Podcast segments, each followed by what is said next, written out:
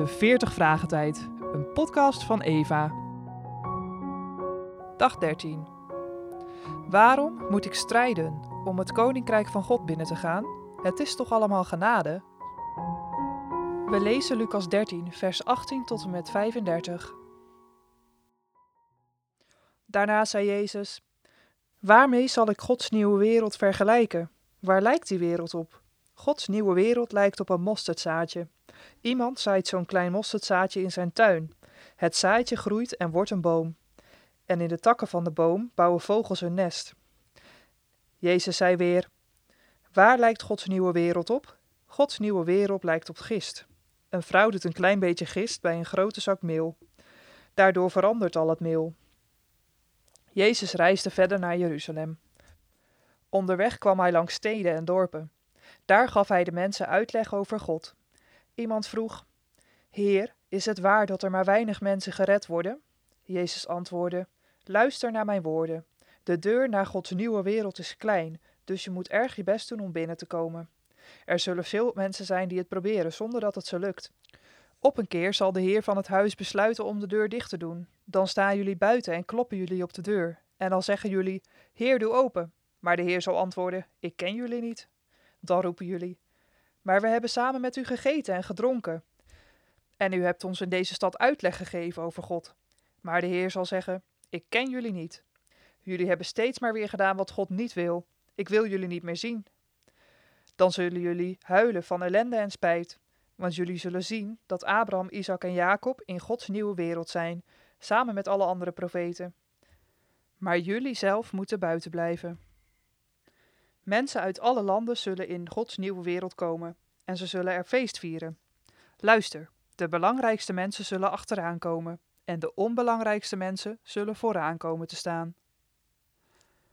Op dat moment kwamen er een paar fariseeën naar Jezus toe.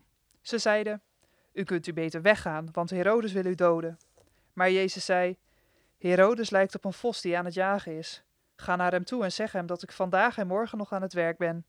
Ik jaag kwade geesten weg en ik maak mensen beter. Op de derde dag is mijn werk afgelopen, dan zal ik hier weggaan. Ik moet vandaag, morgen en overmorgen nog verder reizen, want de profeet hoort te sterven in Jeruzalem. Daarna zei Jezus: Jeruzalem, Jeruzalem, jouw inwoners hebben de profeten gedood. Ze hebben de dienaren die God stuurde met stenen doodgegooid. Inwoners van Jeruzalem, telkens probeerde ik jullie te beschermen, net zoals een vogel haar jongen beschermt onder haar vleugels. Maar jullie wilden niet door mij beschermd worden. Daarom zal de tempel leeg achterblijven. Luister naar mijn woorden. Jullie zien mij nu voor het laatst. Jullie zullen mij pas weer zien als de nieuwe wereld komt. Dan zullen jullie zeggen: Leven de man die door God gestuurd is. Waarom moet ik strijden om het koninkrijk van God binnen te gaan? Het is toch allemaal genade? Het antwoord. Jezus gebruikt in dit Bijbelgedeelte een bijzonder woord voor lijden, hier vertaald met strijden. Strijd om binnen te gaan door de nauwe poort. Dat Griekse woord voor strijden vinden we terug in Lucas 22, vers 44, waar Jezus in Gethsemane in zware zielenstrijd kwam. De zielenstrijd van Jezus in Gethsemane wordt dus op één lijn geplaatst met de zielenstrijd die iemand doormaakt die door de nauwe poort naar binnen wil gaan in het koninkrijk van God. Christen worden kost niets. Dat wordt je uit pure genade van God geschonken. Maar christen zijn kost je alles. Consequente navolging van Jezus betekent dat je dingen in het leven moet opgeven en dat Jezus de nummer één van je leven wordt. Hoger dan je ouders, je partner, je kinderen. Radicale navolging kan je je vrienden kosten.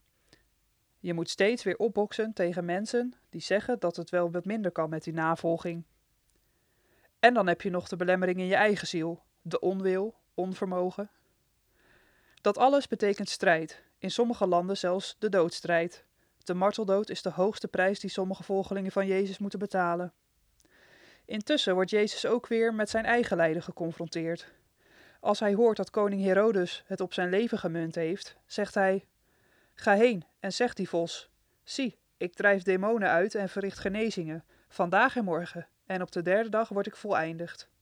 Dat betekent: nog een paar dagen doe ik mijn gewone werk, demonen uitdrijven, zieken genezen, het koninkrijk aankondigen, en dan is mijn werk op aarde voltooid. En wel door mijn lijden en sterven aan het kruis.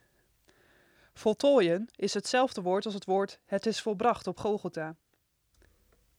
Jezus voegt eraan toe: Intussen moet ik heden en morgen en de dag daarna reizen.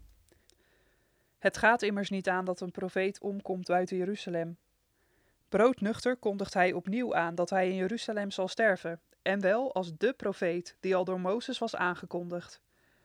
Er was helaas niets meer wat die dood nog kon tegenhouden. Jezus had zich over de inwoners van Jeruzalem willen ontfermen, maar zij wilden het zelf niet. Jeruzalem en de tempel zouden een generatie later zelfs verwoest worden.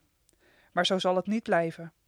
Eens, als de Messias terugkeert met de wolken, zullen Israël in de ogen opengaan en zal het bekeerde volk zeggen: Gezegend is hij die komt in de naam van de Heere.